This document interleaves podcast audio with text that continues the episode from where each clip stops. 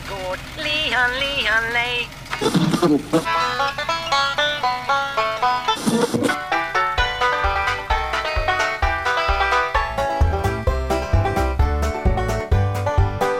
Du lyssnar på Bondepraktikan. Dagens Putin och Xi Jinping är precis som vanligt Rickard Axdorff och jag Per-Ola Olsson. Ingen av oss har fått tillräckligt med kaffe och det är krig i Europa. Det finns alltså förutsättningar för ett spännande avsnitt. Inte minst för mig och Rickard som precis som vanligt inte har någon som helst aning om vad som kommer att sägas. Med detta sagt säger jag privet till Rickard. Privet, står det till med dig? Jag har inte fått tillräckligt med kaffe och det är tidigt på morgonen. Ja, vi har inte hunnit sjungit upp ordentligt. Nej, det här är en kränkning. Ja. Alltså, eh, ibland kan man ju ma- vakna sådär med sur mage. Det gör jag oftast. Så att, eh, ja. I, i, I natt så drömde jag till exempel att eh, någon mobbade min dotter. Jag vet inte om det har med Ryssland att göra kanske. Det där var ju en, en indiciekedja jag kanske inte riktigt, alltså vad ska jag säga, en kedja, alltså händelsekedja som jag kanske inte riktigt hänger med på. Men det kan som sagt bero på att jag inte har fått tillräckligt mycket kaffe. Ja, nej men det var en, en jämnårig flicka i faktiskt i röda kläder. Eh, och sen så var vi någonstans, eh, typ, du vet en sån här, eh, sån här man, man går in, man går in på affären, sen så snurrar en sån här rund typ av grej. Eh, och sen så började den på att mobba min dotter. Eh, och sen så undrade jag vem det där var. Och sen så, jag, jag, jag tror att man på något sätt kan drömtyda det till att eh, det har väl varit väldigt mycket om eh, kriget i Europa. Vi har ju, vi har ju ett dröm, ägnat oss åt drömtid, alltså tyda dina drömmar för Då i var det, podden. jo, vad var, jo, jag skulle, jo, det var någon som sköt på oss. Mig. mig. Ja, det Sen var man. Jag kommer inte ihåg riktigt men alltså jag, alltså jag är helt övertygad om att vi landade i någon form av slutsats om att du var galen. det stämmer. Apropå galna killar, det var ju två galna killar där i början som du pratade om. Ja, Eh, ryss och en kines. Bägge de där två är en ryss ju... och en kines går in på en bar. Har du någon sån historia du kan ta? Nej, jag, i och för sig, alltså om du vill ha folk som sitter, olika nationaliteter som sitter på en bar. Mm. ehm, så kan jag väl, alltså den, den, den jag spontant kommer till att tänka på det var Det var faktiskt en ryss som drog den här för mig. Han eh, berättade att eh, ehm, en jänkare, en fransos och en ryss satt på en bar. och satt där och skröt och försökte över sina respektive länder och drog det liksom längre och längre och längre och till slut så sa, för förklarade jänkarna att jag kan ge mig fan på att alltså, USA är så bra så att vi kan på ett år få en apa att börja alltså lära sig prata. Um, varpå frans, fransmannen förklarade att här är inga problem kan vi också. Ryssen likadant. Fan inga problem. Eh, så att de, eh, det, det, det här slutar med att de helt enkelt tar en näve och eh, eh, på att se som ett år. Mhm. Um, ett år går och de um, ses i USA för att titta på om USA har fått sin apa att börja prata. Och apan är, alltså jobbar på NASA och är en jävel på att räkna ut omloppsbanor och helvete. Men alltså inte fan snackar han. Han är sjukt duktig på massa annat men han snackar inte. Nej, det var ju lite tråkigt men eh, så de åker till Paris. Och apan där, han är en jävel på fruntimmer. Och rödvin. Men inte fan snackar han. Så de åker till Moskva. Och eh, så bara, jaha, var är, var är apan? Och ryssen bara, ja, han är inte här. Så, Nej, så det kan vi säga, men, men var är han då? Ja, någon annanstans. Kan vi, kan vi typ se, träffa apan? Ja, ja, ja, det kan nog gå. Typ. Så de, de äh, äh, sätter sig och börjar åka för att, för att leta, hitta eller träffa den här apan och de åker och åker och åker och åker och hamnar i Sibirien. Mhm. och äh, träffar på apan i ett pyttelitet hus. Oisolerat i helvete. Och apan är ruggig i pälsen, mager, ser, för, ser alltså absolut för jävlig ut och är bra prylad. Um, och ryssen bara, alltså jag förstår inte det här. Han har fått den bästa omvårdnad man överhuvudtaget kan tänka sig. Alltså det här är ett fullständigt mysterium hur det här, alltså det här, det här är konstigt. Det är jättekonstigt. Så hör man apan inifrån hörnet. Tro inte på den djävulen! Nej. Uh, det var som sagt en ryss som drog den här. Ja, just det. Mm. Ja, och där fastnade skrattet i halsen.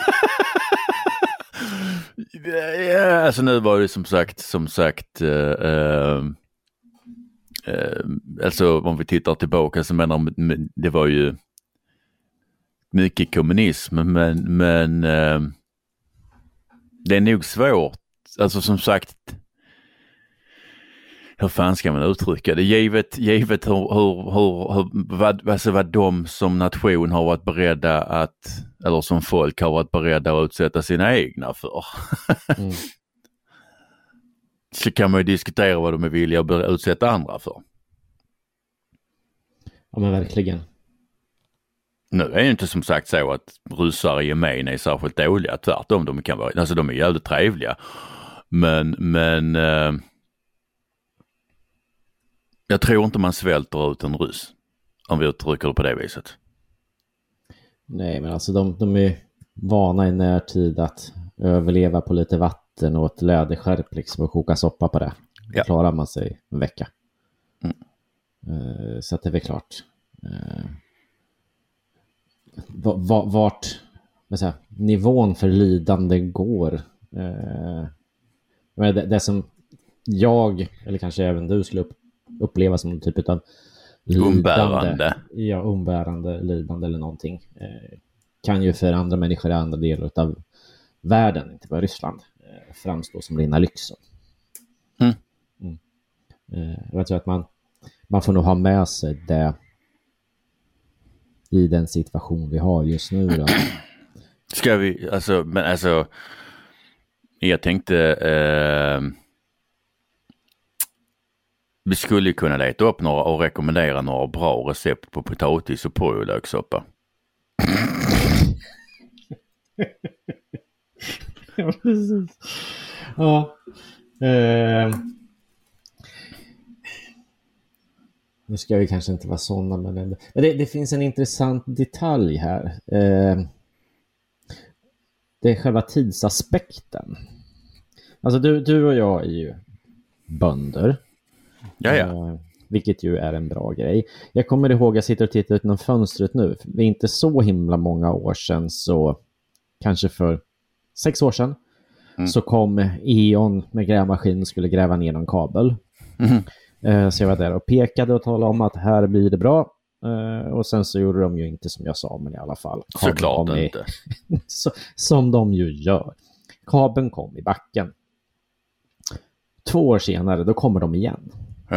Mm. Eh, och då sa men vad fan gör ni här nu då? Ni var ju nyss här. Ja, det var för flera år sedan. Ja. Jo, jo, det var för något år sedan. Men vad gör ni här nu? Ja, vi ska gräva ner för den, den tidigare kabeln, var för, den var för klen. Men för djävulen. Ja, ja men precis. Så, men hörni, ni måste ju lära er att planera.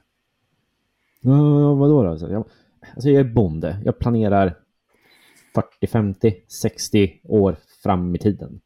Mm. Allting mm. jag gör har en tidshorisont på minst 50 år.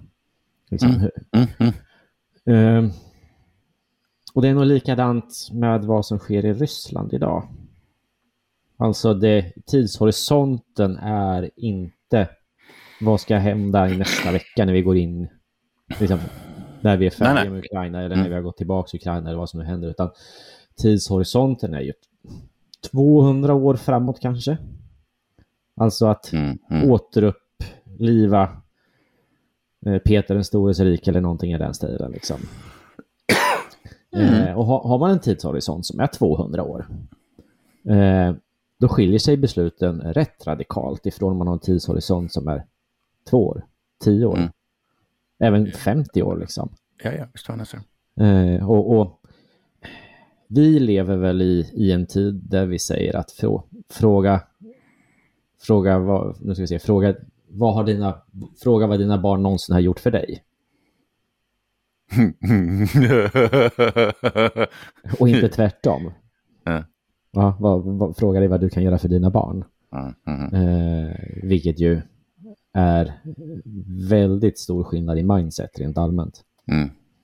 Eh, så ska man, ska man på något sätt klara av att bekämpa Putin eller ryssen så måste man ha med sig att det handlar inte om idag. Det handlar inte om imorgon eller nästa vecka eller nästa år. Det handlar om 200 år fram i tiden. Ja, nej, och russen är, i det här fallet är ju inte, vad ska vi säga, Russen som den här, alltså vad ska jag säga, ens den här generationen. Alltså i, i den, alltså i den, alltså i den, i den, i den berättelse du alltså för, förmedlar. Alltså ryssen är ju ett 200 år fenomen liksom. Det är inte varken, det är ju varken Putin eller ryssar idag utan det är ju i så fall Ryssland. Mm. Mm. Mm. En annan detalj som jag tänkte på där utifrån ditt intro. Det är så här att fucka inte upp med små killar. Nähä. Nej men både kinesen och ryssen är ju inte, är De är direkt jätte- två de är- meter. Nej, nej. Nej. Det är de inte. Jag skrev det här om dagen på Twitter att alltså jag var sugen på att skriva en ledare om att det är ju de, alltså de korta männen som fuckar upp. Mm. Eh, typ Putin, han den här kinesen. Jag tog även Napoleon och Mm. eh, som exempel och det var någon som svarade Morgan Johansson. Hans namn ska vi äta i, i, ikväll. Oh. Ehm, det var, jag kan väl på något vis tycka att det fanns en poäng där, men ehm, Nej men de är små. Men alltså varför kunde liksom, alltså, kunde, alltså måste de hålla på så här? Kunde de inte ha, bara ha blivit ordningsvakter som alla andra? Små, små män. Alltså jag är inte så stor, men min pappa var ju lite mindre och han var faktiskt lite mer obehaglig än vad jag är. Mm. Ja. Ja precis, alltså de där små korta männen. Jag har en kompis Men- men- som brukar säga att, eh, Rick, vad han säger nu, Rickard, det är först när man lär känna dig som man förstår hur obehaglig du egentligen är. Mm. Men du är ju liten också. Jag är ju hur behaglig som helst. Ja, du är en stor björn. En sån där mjuk sak. Exakt så. En teddybjörn. Exakt. Exakt. Men frågan är, har du dödat någonting? Du, nu, nu är det slutet på februari, början på mars.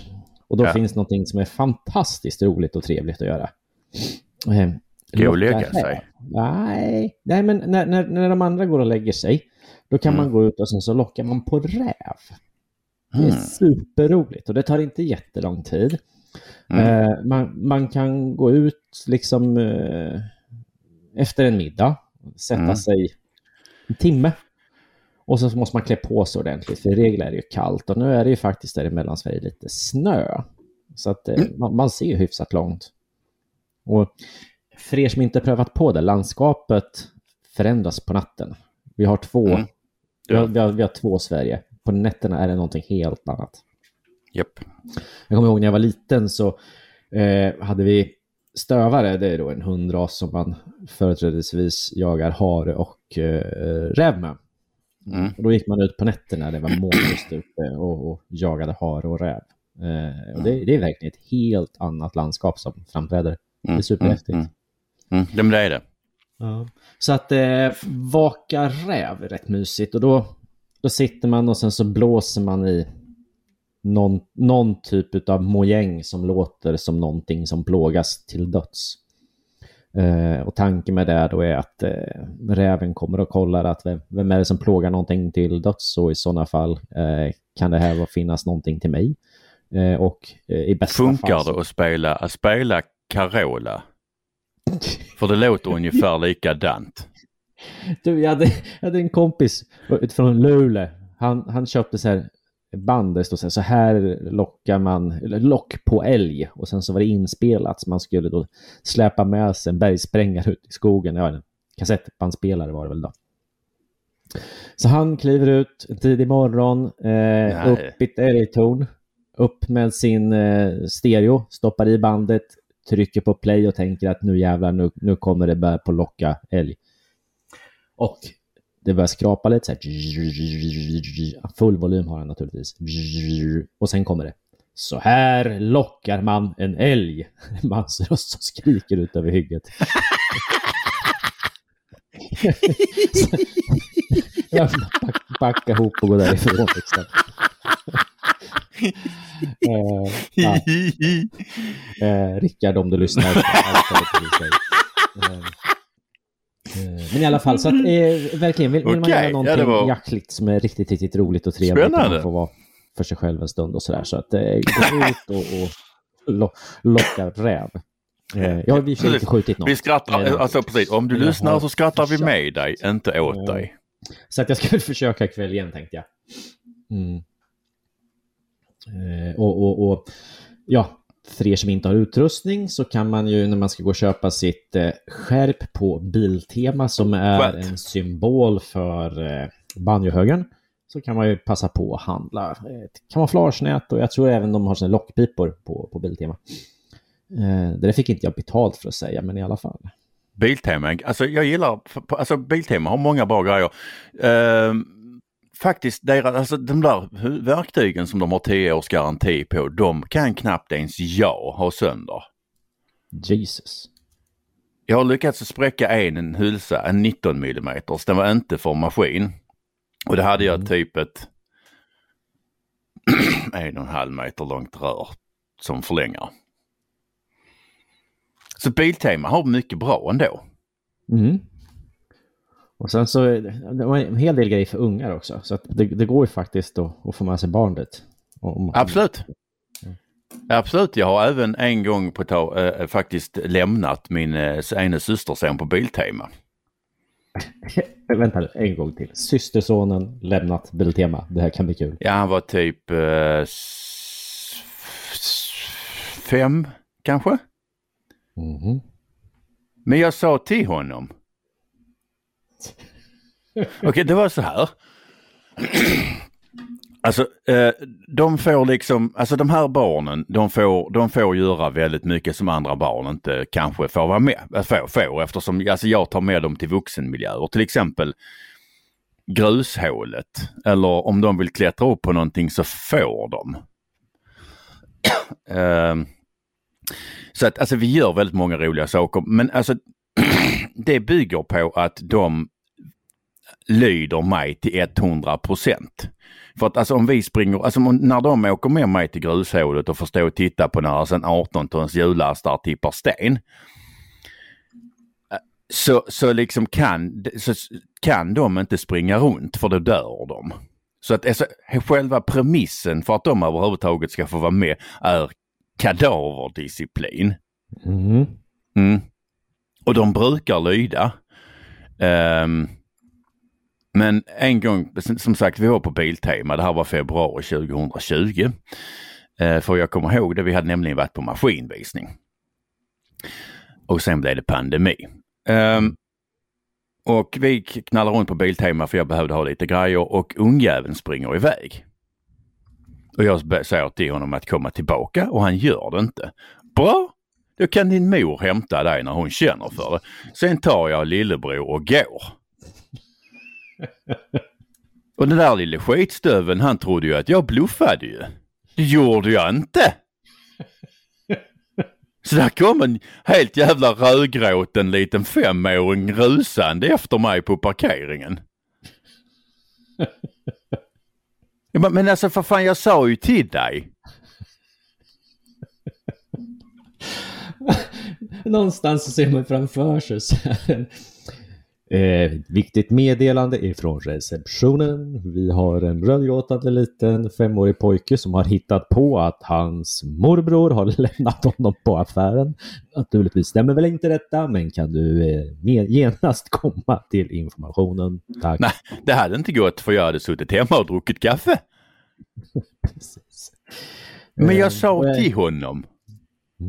Alltså som sagt, alltså, de, får, alltså, de får jättegärna hålla på med trams, alltså så länge jag säger det är okej. Men när jag liksom säger någonting, då är det stopp. Det men alltså det är likadant med den soft air gunnen. Jag, alltså, ja, okej, de är fan är de nu? Sju och fyra eller någonting sånt. Sju och fem. Någonting sånt. Jag är jävligt dålig på att hålla ordning på hur mycket, hur gamla de är. Men jag köpte en soft air gun. Inte världens häftigaste. Alltså den, det är liksom inte sån som, det blir inte jättestora hål i en, men det gör bara ont om de skulle få för sig Mm.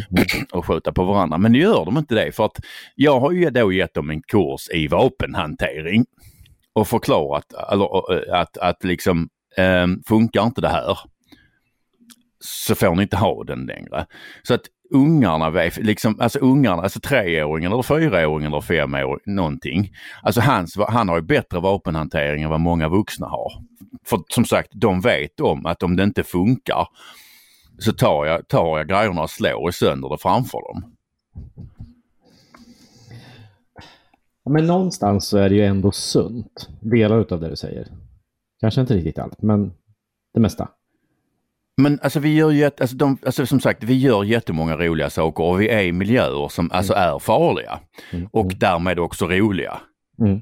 Mm. För som sagt, alltså man har, vi kan knalla runt i typ grushålet och en 18 tons lastmaskin, alltså du ser inte ens en unge. Nej. Än mindre märker det. Så att alltså för att, för att de ska få lov att vara med mig och göra allt det här roliga så måste de, alltså, må, de måste lyda. Nej, men jag, jag, jag köper det rakt av. Alltså vi, hemma på gården så har vi eh, två regler. Och Mm. alla ungar som kommer hit första gången de får de två reglerna eh, väldigt tydligt berättade för sig. Mm. Gärna med föräldrarna i närheten. Eh, den första regeln det är ni får inte gå på vägen. Nej. Nej, den är ganska enkel att förstå. Eh, dessutom så då vet jag att då är de kvar på gården. Liksom. De, de lämnar inte. Mm. Och den andra regeln, den är du får inte slå dig. Och så skiter jag. Det är ju ganska svårt med tanke på att de här, alltså dels är ju de här två eh, pojkar och dels så, eh, alltså framförallt den lilla, han är ju alltså obehagligt lik mig. Mm. Ehm, Jo, men jag förstår. Så- Men sy- syftet är inte att de inte ska slå sig, för det gör de ju. ja, ja. Men, men själva syftet är ju att när de gör någonting så ska de först tänka, kommer jag att slå mig? Och göra en omvärdering. För det, det, det gör att de pausar för en liten stund. Mhm. ja men det är väl en rimlig, rimlig eh, Ja. ingång. Som sagt, alltså jag förklarar, alltså menar, jag förklarar jättegärna varför och reglerna. Mm. Liksom för barnen. Men alltså när jag säger stopp så är det satan ta mig stopp. Jag, sen kan jag förklara varför sen. Mm, mm. Men alltså när, jag, alltså när jag säger stopp så är det liksom då är det, då är det inte mer. Då står du, stannar du, satan tar mig precis exakt där du är. Mm. Sen kan jag förklara varför. Mm. Mm. Ja, det funkar som sagt. Det funkar ganska, eller det funkar bra. jag, jag köper det. Jag sen, alltså jag menar vad fan, alltså jag vet ju om så framförallt den lilla, han är ju, alltså han är ju som sagt väldigt lik mig. Eh, och eh, alltså jag menar, jag vet ju hur jag var när jag var liten och den där, alltså den där lilla han är ju överallt annars ju. Han kan ju, dess, alltså menar, han är, kan ju dessutom trots att han är typ fem, alltså har ju sönder ett järnspett. Ja. Eh, Jag, jag, jag, jag ser det framför, framför mig på något sätt. Jag kan ta med dem upp och hälsa på dig. Mm. Då, ja, men då, ja, jättespännande. För då kan jag dra de där två reglerna för att se ifall det funkar. Du får Ja, men, inte slå ja, dig. nej, men det gör vi. Alltså, jag, jag tar med mig aporna upp och så hälsar vi på dig. Ja, men gör det. Ni är varmt Mm. välkomna så kommer eh, min dotter att styra upp det där. Tala om för dem vad det är som Ja, det, det blir bra. Tack, tack. Ja. Apropå, vet du varför Napoleon visste så himla mycket? Han hade ett informationsövertag.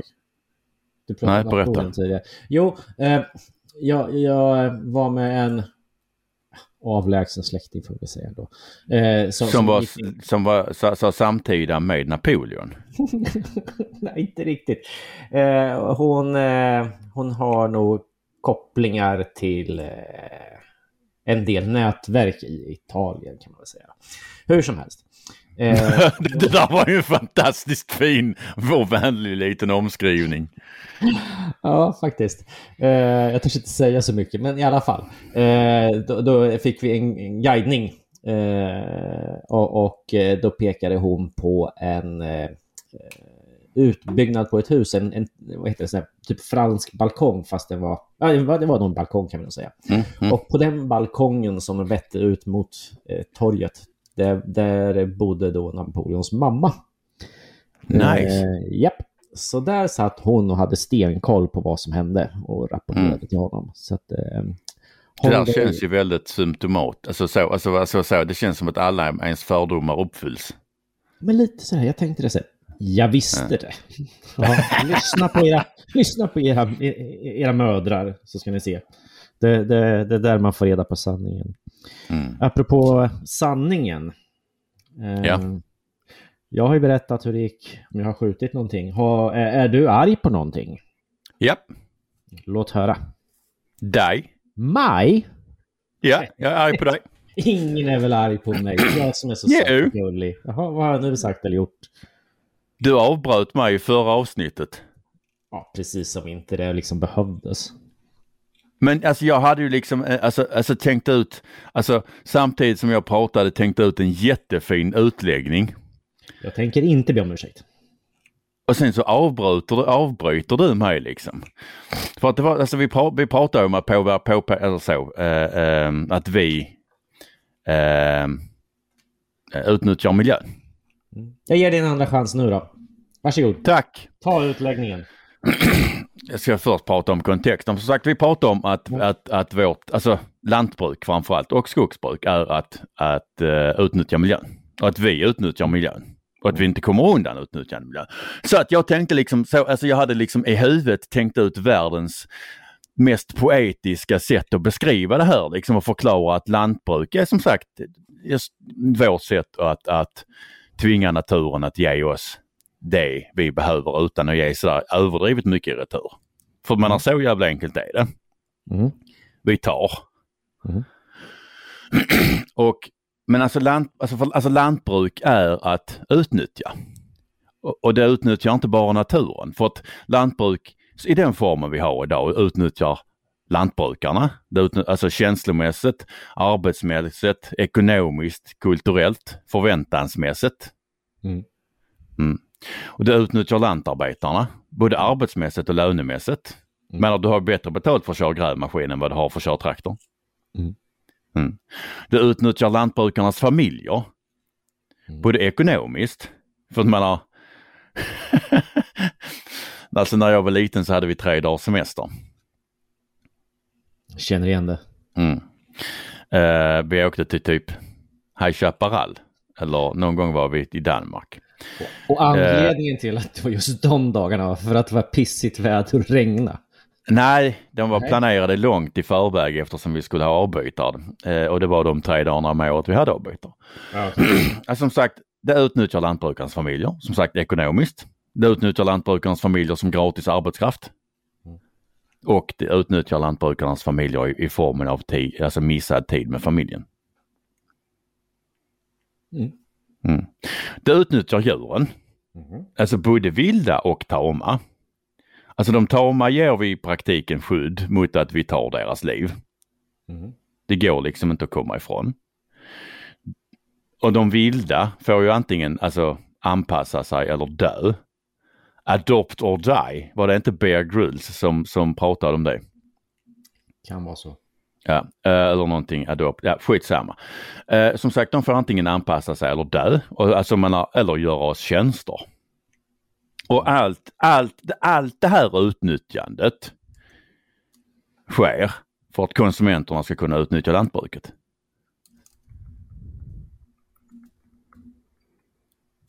Du, det, det är här du ska komma med ett, ett, ett alltså så här, hmm, vilken bra utspaning. Mm. Nej men alltså visst, visst är det så. Det tåls väl på något sätt att tänkas på. Uh, jag menar all, all, allting vi gör påverkar. Uh, Ja, ja. Det spelar ingenting vad man gör. Så är, är det en påverkan. Och i någon mån så är det ju den påverkan som gör att vi är, Lever. lever eller är, är, är så här, juvelen på Guds skapelse. Ja, alltså du kan ju liksom inte... du kan inte ha... Alltså du kan inte äta dig mätt, du kan inte flytta dig, du kan inte göra någonting. Alltså menar, du kan inte leva utan att utnyttja naturen. Mm. Så är väl enkelt är det. Ja, men precis, så då, då gäller det på något sätt att göra det så vettigt som möjligt. Exakt! Det är där vi, alltså, menar, du, alltså eftersom vi alltså jag menar diskussionen om att liksom så, att vi inte, alltså så, alla diskussioner som bygger på att vi ska trolla bort vår påverkan. Mm. Mm. Som sagt, så, sådana diskussioner som jag, som jag brukar, på, brukar påpeka eh, är att jämställa med diskussionen om gne, eh, eh, enhörningar gnäggar. Mm. Är inte seriösa. Nej. Nej, för att alltså, alltså och, och de, dessutom, de, de gör dessutom ingen nytta. För, man, alltså, alltså, för att kunna nå konstruktiva lösningar och alltså, vad ska jag säga, arbeta för att hålla vår påverkan nere så måste vi vara bekväma med och, eh, att vi faktiskt påverkar. Vi kan aldrig trolla bort vår påverkan. Vi kan arbeta för att hålla den nere men vi kan aldrig någonsin trolla bort den.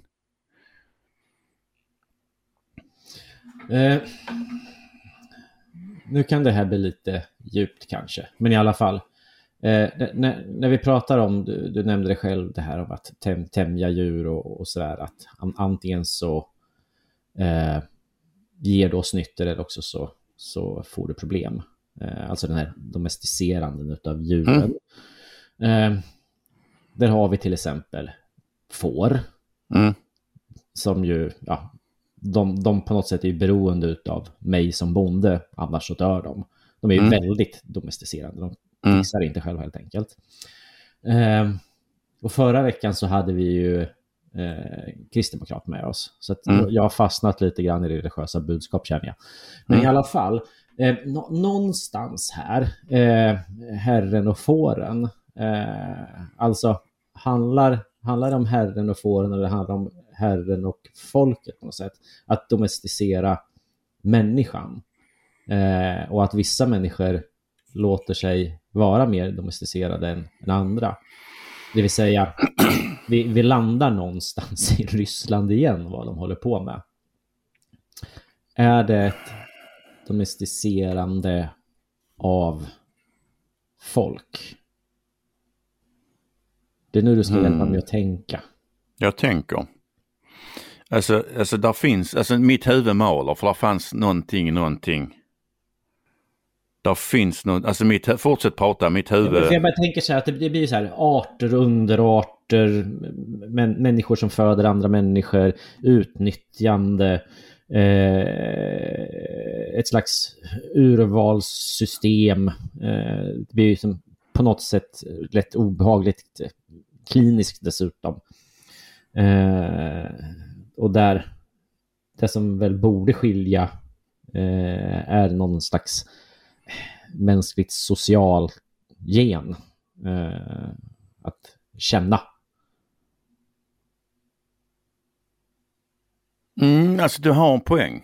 Alltså där, nu kommer jag till att tänka på varför jag, alltså, nu, nu, nu kommer jag på varför jag prat, tänkt, kom till att tänka på, eller vad jag kom till att tänka på när du pratar om människor och får. Mm. American Sniper, filmen. Ja. Berätta mer. Eh, när när eh, där är en scen när eh, Chris Kyle är liten. Mm. Alltså jätteliten. Hans far berättar att det finns tre sorters människor. Jag tror Mm. till och med det här var efter alltså någon godtjänst när de åt middag. Det finns tre sorters människor. Får. Vargar. Och vakthundar. Mm. Jag tror inte han använde ordet vakthund, men skitsamma, det här är fritt ur minnet. Mm. Och han förklarade, alltså, menar, alltså det finns ju människor som, som inte tror på att ondskan finns. Mm. Eh. Och inte vet vad de ska göra för att, för, alltså, menar, alltså om någonting någon gång, alltså någon gång någonting händer, om, liksom, om ondskan skulle stå i farstun, så vet de inte hur de ska försvara sig. Mm. Det är de som är fåren. Mm. Och sen har du vargarna. De som alltså kalasar på de svaga. Mm. Ja. Och sen har du de som är jag tror han alltså på engelska alltså använde eh, eh, eh, blessed with the gift of aggression. Mm. Och, och ett behov eller förmåga, jag tror det var förmåga, att, att, att, för, att försvara flocken. Just De som alltså konfronterar. Och det är alltså de som är vakthundarna. Det var det jag kom till att tänka på när du pratade om får eh, som människor. Just det. Om det var sådär jävla jätterelevant, det vet jag inte. Men eftersom eh, den här podden till hälften är min så kan jag ju få prata om vad jag vill. Mer än gärna faktiskt. Ja, men alltså, eh, nu, nu blev det kanske ett lite filosofiskt eh, utstick på något sätt som eh, in, inte kanske var fullt genomtänkt. Men, men det, det kan samtidigt vara bra att prata utan att tänka. Det, min första chef lärde mig det. Han satte mig ner och sa han så här, Rickard, Bengtettan, Bengt-ettan, nu, nu ska vi sitta här och samtala utan att tänka så får vi se vad det ger. Det, det kan vara bra att kasta sig ut ibland i i ett universum där man inte har tänkt efter före. Att tänka efter för innan man pratar är som att torka sig innan man skiter. Mm.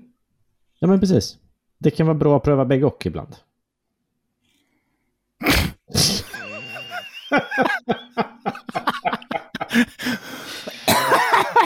Jag gillar liksom det där vad Rickard säger, men ibland kan det vara bra att tänka efter före och sen båda ett två sekunders tystnad och sen bara skra- börja skratta liksom bara nej. Nej, men det här med känslor blir också lite intressant. För det, eh, om man då för över det på något typ samhällsplan, alltså eh, att vi har det här läget i Europa som vi har idag. Eh, det beror ju inte på att... Eller det- det kommer sig inte av sig självt, det är ju skapat. Det är klart Alltså, det. det, det, är någon jävel som har spolat isen för att vi ska kunna åka skridskor. Eh, det var en bra liknelse tyckte jag i alla fall. Oh ja, gud ja, det var en fruktansvärt bra liknelse.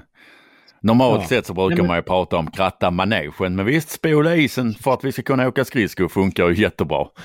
Ja, men precis. Och då landar vi liksom i att de, de som har skapat den här situationen, det, det, det är väl kanske inte de i första ledet som har stoppat vapen i, händen på, i händerna på, på ryssen eller på, på Putin. Utan det är på något sätt de som har placerat oss i ett läge där vapen Exakt. kan användas. Exakt, för att, Eh. exakt. Eh, terrorbalansen är ju rubbad och, och vårt Europas röst Mm. är, alltså har ju minskat i värde i samma takt som vi har alltså gjort, dels monterat ner vår egen produktion, dels eh, gjort, alltså, och i, därför gjort oss mer beroende av Ryssland. Jag menar, de, här- alltså, som de här jävla miljömupparna får säga vad de vill men alltså vi har, alltså tysk, alltså vi har aldrig, tysk energi eller elproduktion har all, eller energiproduktion har aldrig varit så beroende av tysk gas som den är idag. Nej men, nej, men jag, jag håller med dig där och, och då, då landar vi någonstans i liksom att de, de som har placerat, de som är samhällets fiender nummer ett, alltså de som kom före eh, Putin in i, i Ukraina eh, på något sätt. Det är ju liksom den här eh, politiken som vi har drivit de senaste 10 åren, 15, 15 åren skulle jag säga. Alltså, så, så, som bygger på någon typ av identitetspolitik som är, är, är, liksom är, grundar sig på vet, grupptillhörighet eh, och gärna då i kombination med någon typ av populism dessutom. Eh, en populism som i, i förlängningen, och det är väl kanske det vi ser nu, då, leder till mindre personlig frihet och betydligt mindre ekonomiska medel för den enskilde medborgaren. Mm. Eh, Men alltså, mm. Vill du ha lite siffror? ja, gärna siffror. EU importerade under 2020 rysk råolja för 31,9 miljarder euro. Mm. Vi importerade andra oljeprodukter för 14,9 miljarder euro och Mm. gas för 8 miljarder euro. Det är en jävla massa pengar. Som flödar. som flödar in. Ja, alltså det är... Det är... eh, det är en del. Alltså Tyskland köpte 2020 45,8 miljarder kubikmeter gas. Alltså det, det, Italien som- köp- Varsågod. Nej, Italien köpte 20,8 miljarder kubikmeter gas. Och sen, alltså, alltså menar, alltså den här debatten alltså, alltså är bedräglig för att, att jag såg, alltså menar de som på, påstår, alltså vad ska jag säga, när man påpekar att, att miljövännerna har försatt oss i den här situationen Mm. glatt understödda av Ryssland. För menar, vi vet om att troll, ryska trollfarmer har, eh, har eh, vad ska jag säga, eh, piskat upp opinion mot, mot utveckling av, av och, ut, utveckling och biotech. Mm. Ehm, så, titta, så, så plockar man fram diagram som, som visar på rysk en, eh, energiproduktion, eller tysk energiproduktion eh, där förnya, förnyelsebara har stuckit iväg som fan och vi har en minskning av kärnkraft. Men den, det diagrammet är bedrägligt för att det är, alltså det är inte, vad ska jag säga, det är inte energiproduktionen som är, är den jättestora grejen. Till exempel så kan ju, kan ju tyskarna ersätta en, det, en del av gasen som går till energi eller till e- elproduktion med kol. Mm. Men vi har 20 miljoner hushåll i Tyskland som värmer upp sina hus med eh, gas. Och vi har en väldigt stor industri som behöver gasen för, för, för sin produktion. Mm. Och det syns inte i de här diagrammen som de här jävla tuffarna refererar till. Och vi ser dessutom, men vi, alltså vi ser ju dessutom nu att om det nu hade varit så att, vi, alltså att, att Europa inte hade varit beroende av, av, eh, eller rättare sagt om Europa och främst Tyskland och Italien inte hade varit beroende Mm. av rysk gas. Vilka är, det, så, vilka är det nu som är emot att, att eh, eller så, som har synpunkter på att stänga ute eh, eh, Ryssland från Swift? Jo, det är Tyskland och Italien. Mm. Och Indien har jag också sett har haft lite synpunkter. Eh, Kina och Indien har också lite synpunkter, vilket inte är så jävla konstigt för att alltså Ryssland och Kina har ju, har ju eh, stärkt sina band Mm. eh, de senaste åren. Eller, och och Rys, mycket av Rysslands rysk produktion har gått till Kina istället. Ehm, Alltså Kina gick väl ut första, krigets första dag med och sa att vi, vi köper allt er spannmål från Ryssland. Eh, har ni Ja, av med tidigare, tidigare ja, exakt så. Tid, tidigare har ju Rys, alltså Kina bara köpt spannmål från, eller vete från vissa utvalda regioner i Ryssland. De, nu, eh, samma, samtidigt som det rullar in stridsvagnar i Ukraina så, så, eh, så meddelade Kina att de skulle köpa spannmål eller köpa vete från hela Ryssland. I, eh, inga undantag längre. Och om, om eh, om Kina erkänner eh, eh, Donetsk och Lugansk som, som eh, ryska Mm.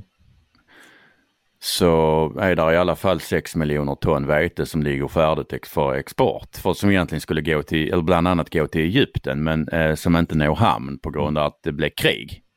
Mm. Um, och alltså Kina köpte innan, alltså typ för, för 14 dagar sedan, uh, uppseendeväckande stora volymer soja på världsmarknaden. Mm.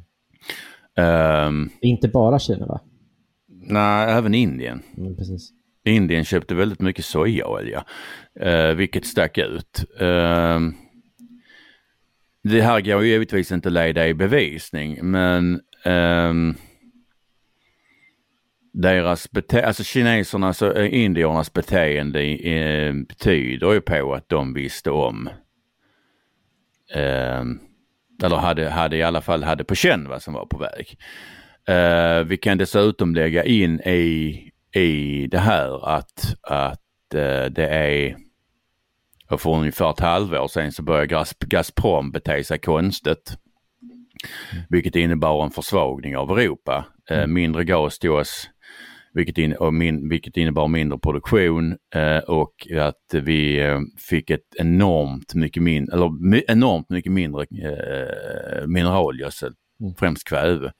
på världsmarknaden vilket gör att sven, alltså, europeiskt lantbruk i år kommer ta stryk. Vi kommer ha en avsevärt mycket mindre, vi kommer få en mindre produktion. Mm. Um, så att alltså man har ju, alltså Ryssland och, och miljövännerna har försvagat Europa eftersom vi inte har Alltså vi har flyttat produktion härifrån för vi har, inte, alltså vi har med miljöargument inte velat ha den här. Mm. Det här har gjort oss mer beroende av andra och det här har gjort att vi inte kan ryta, alltså vi, har, vi kan inte ryta ifrån. För att du kan, alltså det, alltså det är jävligt svårt att bita den hand som föder en. Samtidigt ska medges att, att, att eh, alltså Ryssland behöver ju våra pengar. Mm. Alltså vi har ju liksom det här är ett oerhört destruktivt förhållande mellan Europa och Ryssland. Som i grunden beror på att vi, de, alltså de behöver sälja sina produkter till oss. Inte lika mycket som vi behöver dem. Fast Kina kan ju faktiskt, eller Ryssland kan ju sälja till Kina i och med att man har, man kan använda Kina som bankomat ut i världen. Ja, gud ja. Det är ja, inga problem. Kineserna går inte att spara för, då, eller det går inte att stänga ut kineserna, de är ju överallt liksom. Nej, du kan inte stänga ut kineserna. Kina, det alltså, Kina är dessutom en extra, alltså menar, det, det är en jättestor marknad. Mm. Um, vad som det är värt att notera är ju att alltså tidigare, alltså när vi har haft, alltså vi har en ny, ny, ny situation när det gäller sanktioner. För att vi, alltså tidigare har ju sanktioner inneburit att, att man egentligen bara har flyttat om flödena på världsmarknaden. Mm. Um, men nu, alltså Kina är en så pass stor spelare på råvarumarknaden att sanktioner alltså innebär, alltså vad ska jag säga, du kan inte hämta de volymerna någon annanstans. Så att, och vi har redan brist. Så att sanktioner innebär brist. Mm. Och inte, inte som det var förr, att vi bara möblerade om flödena. Nej. Så att alltså, jag vidhåller, det kan vara bra att leta upp några recept på potatis och purjolökssoppa. Om, om vi ska blicka framåt nu då. Vi har ju faktiskt pekat på att några länder var duktiga på att gissa vad som komma skall. Fantastiskt duktiga på att gissa. Mm. Eh, jag eh, bettade med eh, hela fem kronor eh, igår med eh, en bekant. Eh, om att nästa sak som kommer ske är att eh, Kina tar Taiwan. Det hade väl varit som lök på laxen på något sätt. Sätter emot 5 kronor. Inom 14 dagar var det dessutom. Nej, jag sätter inte emot, men jag är inte övertygad om att det kommer ske inom 14 dagar. För att Kina behö alltså Kina behöver Alltså det finns ju, alltså antingen, alltså man, det finns ju, man, det är en jävla röra. Samtidigt så vet vi inte hur länge, hur länge ryssarna har pengar till kriget. Men alltså det finns ju två, det finns ju två vägar. Antingen så utnyttjar Kina röran som finns. Mm. Eh, eller så behöver de reparera lite, eller vad ska jag säga, behöver de reparera lite av, av, av, av skiten som skvätter på dem. Eh, eller rättare sagt reparera en del av den, eller torka av sig en del av den ryska skit som skvätter på dem just nu. Mm. Så menar, alltså, bryr de sig och behöver reparera sitt anseende lite så, så, så får de ju vänta med i alla fall, i alla fall vänta med att ta Taiwan. Men är det så att, att de eh, känner för att utnyttja röran så... Men som sagt, det är korta men. Precis. Alltså, två, två saker. Eh, det ena, det är någonstans där vi började. Eh, vi ser 200 år framåt i tiden.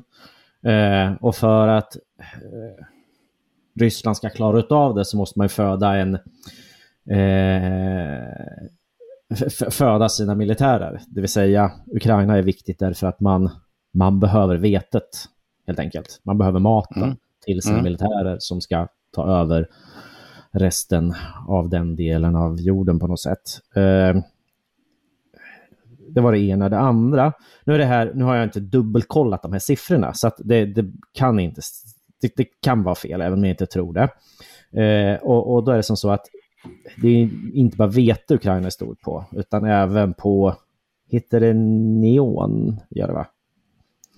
Alltså vad jag har kommit fram till då så är det 70 procent av den neon som används i Taiwan för att tillverka då 95 procent av världens alla halvledare.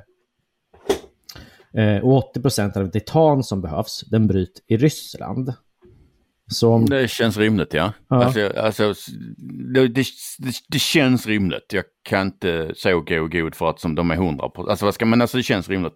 ja, som Ryssland styr Ukraina och Kina styr Taiwan, Mm. då har ju de liksom total kontroll på all, alla de halvledare som världen behöver.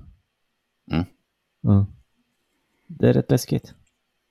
Ja, Mm. vad fan gör vi då? Ja, Jag vet inte. Jag, jag, har du hört att det har låtit lite konstigt i bakgrunden? Jag hittade en sekatör här. Så jag har suttit med en sekatör och klippt saker, lite grann som Weiron i åttan. Så, här. så, ja, så jag, jag hittade en träbit som jag har filat till, gjort en liten spets på. Så Själv sitter, jag ju, och, själv sitter jag ju och jonglerar med ett luftgevär. Det är inte för att jag sitter och är rädd för ryssar utan för att jag har köpt ett nytt luftgevär. Ja, du ser. Ja, jag vet inte. Eh, ska vi avsluta med att eh, ser vi en lösning på, på eh, Ryssland-Ukraina? Hur, hur, hur får vi Ryssland att backa? Eller vi ser en lösning. Ehm, för att en sån lösning inte ska, ska bita oss i röven. Mm. Så... Alltså gasen är svår. Mm.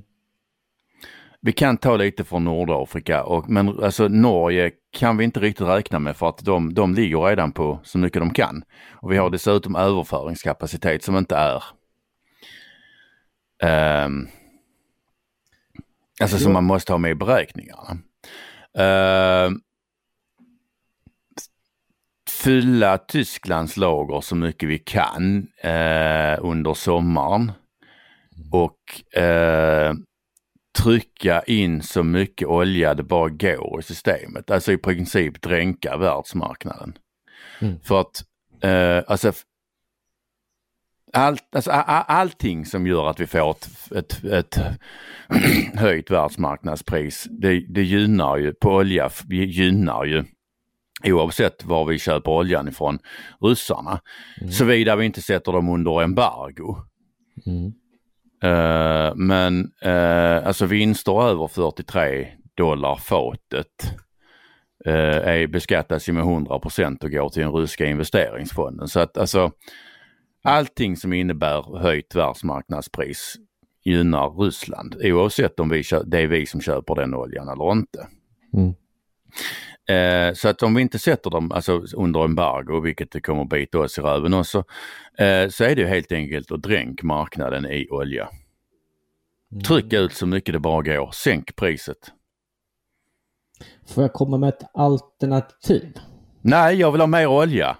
Jag Jag vill komma med ett alternativ som jag tror eh, möjligen skulle kunna funka. Eh, Något demokratiskt jävla skittrams. Ja, demokratiskt vet jag inte, men i alla fall. Eh, dränk Ryssland i, eh, vad heter det då, sån här eh, lappar som vi skickar ifrån skyn med, med meddelande om vad det är som händer runt om i världen. Eh, jag tror någonstans att Eh... Såg du att det, alltså, det var några som hade startat en namninsamling mot kriget? precis. Jag såg också att det var någon som tyckte att önskade att Putin inte skulle, eller skulle stoppa kriget för att annars så kommer ju han taigan att smälta. Eh, och då går vi alla under. Jag såg faktiskt, alltså jag är med, alltså jag är med i några sådana klimat och miljögrupper. Eh, på Facebook och där var en hel del som tyckte att det här var ju bra för att det underlättar omställningen till fossilfritt. Mm. Jävla arslen. Men jag, jag, tycker att vi tog lite för lätt nu på mitt lösningsförslag. Eh, ja, klart alltså, vi gjorde. Ja, eh, och det är, inte för, det är, inte för, att jag vill förmin, förminska eh, ditt förslag som säkert är mycket möjligt. Eh, men jag tänker så här att no någonstans där så ser vi ju faktiskt protester på ryska eh, gator och torg. Vi eh, ser en hel del ryska protester på, på, på, på gator och torg. Och ja. vad som är intressant när det gäller de ryska, alltså jag älskar att jag bara pratar när du vill prata. Det, alltså vi ser... Och sen blir du sur i nästa nummer för att jag avbröt dig. Exakt så. Ja. Eh, nej, men vi, alltså, när det gäller de ryska protesterna så alltså eh, eh, eh, Omon har inte alltså, blivit utsatta ännu. Alltså de där alltså, nissarna vi brukar se när det är protester i, i Ryssland. När du, äh, Nej. alltså kravallpoliserna som, som typ packar in folk i bussar och sen ser vi dem aldrig mer. Nej. De har ju inte varit framme. Nej, nej men alltså om, om, om, man, om man lyckas få ett eh, ryskt folk som på något sätt eh, tar avstånd eller säger ifrån eh, sin, sin ledares framfart i, i det övriga Europa. Alltså, öppna, se till så att eh, vanliga ryssar har ett öppet fritt internet. Dränk dem i, i eh, flygblad. Eh, förklara för dem vad som händer. Eh, se till så att vi får en storm mot makten i Ryssland. Uh... Alltså jag, jag, noterar att du, du, alltså du menar du pratar om det här, alltså bara, alltså så du viker ut texten på det här viset bara för att du ska slippa säga anonymous. ja men det är riktigt. Vad skönt att du sa det. För de vet, stängde ju ner, jävla ord det där. De stängde faktiskt ner några ryska, eh, var det Klems eh, hemsida? Nå, mm. någon, någon, hemsida i alla fall. Mm. Eh, och gick ut med meddelanden eh, och, och talade om för ryssen att eh, nu kommer vi runt om i världen att eh, avslöja er för vilka ni är som styr det här landet mot er egen befolknings vilja. Eh, och jag tror att det är där som är lösningen. Köp flygblad för pengarna istället för vapen. Ja men alltså, du, du, alltså, jag menar, alltså vi är överens som sagt, alltså du, eller, på, eller i stort sett överens. För som sagt, för att återvända till det jag sa i början av podden, du svälter inte ut en ryss. Och då får man väl, alltså man har som sagt, då, det handlar, då handlar det bara om vad ryssen vill. Mm. Och vill ryssen hålla på och, och kladda i Ukraina och, och äh, upprätta Peter den stores, var inte han också ganska liten? Det skulle inte förvåna mig. Uh, upprätta hans rike så är det väl rätt så rimligt att, att uh, uh, alltså då blir det ju svårt för oss andra. Mm. Mm. men är det så att de inte vill, då blir det ju svårt för, för överheten som vill. Jag googlar just nu Peter den store längd. Jävlar i helvete, han var ju lång. Okej. Okay. Uh, eh, ja men då, då, då säger vi så här att det, det är undantaget som bekräftar regeln helt enkelt. Helvete! Vilket jävla missfoster. Men grej, det, där, det där är säkert rysk propaganda. Han var säkert 1,50 egentligen, men sen så har de dragit ut honom lite för att det ska se bättre ut.